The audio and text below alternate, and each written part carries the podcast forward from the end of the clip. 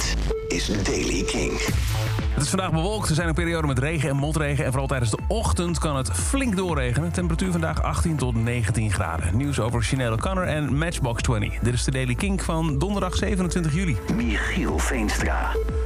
De eerste zangeres Sinead O'Connor is op 56-jarige leeftijd overleden. Zo heeft haar familie laten weten. O'Connor, die in het verleden al had aangekondigd met de muziek en toeren te willen stoppen... kampte al haar hele leven met mentale problemen en had ook een moeilijke jeugd. Recentelijk sprak ze nog om plannen om een nieuw album af te ronden... en misschien toch weer het podium op te gaan.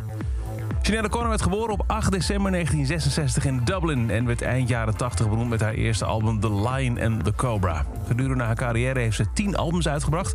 haar cover van Prince's Nothing Compares to You werd wereldberoemd.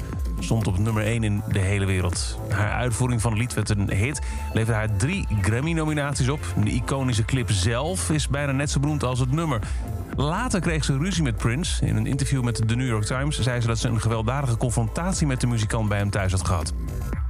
Haar zoon Sean heeft vorig jaar januari op 17-jarige leeftijd zelfmoord gepleegd na een lange strijd met mentale problemen. En vorige week deelde Sinead nog op Twitter hoe verdrietig ze daar nog steeds over was.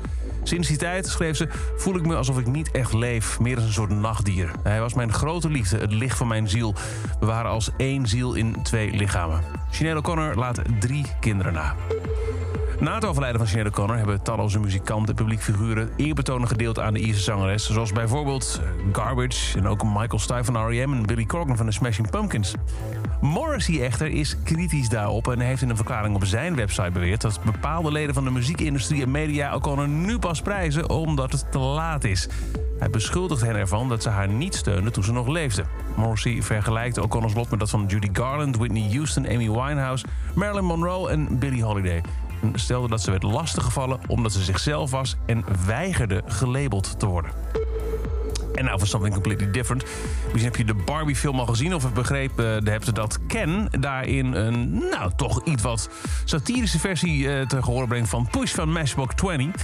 Rob Thomas, de zanger van die band, heeft er nu op gereageerd. En uh, hij zegt dat het eigenlijk wel heel erg leuk is. In de film keert Ken, gespeeld door Ryan Gosling, terug naar de Barbie-wereld na een bezoek aan de echte wereld. En verandert het in een, ja hypermannelijk Kendom met giftige mannelijkheid. Nummer Push wordt gebruikt in een scène waarin alle Kens de Barbies op het strand toezingen. En daarmee wordt de spot gedreven met het stoere jongensimago van de band Matchbox 20. Ondanks dat dit dus het doel van een grap is, vond Rob Thomas het hilarisch en had er geen probleem mee. Omdat hij bewondering heeft voor de regisseur Greta Gerwig. Hij is van tevoren ook op de hoogte gebracht van joh, vind je het oké?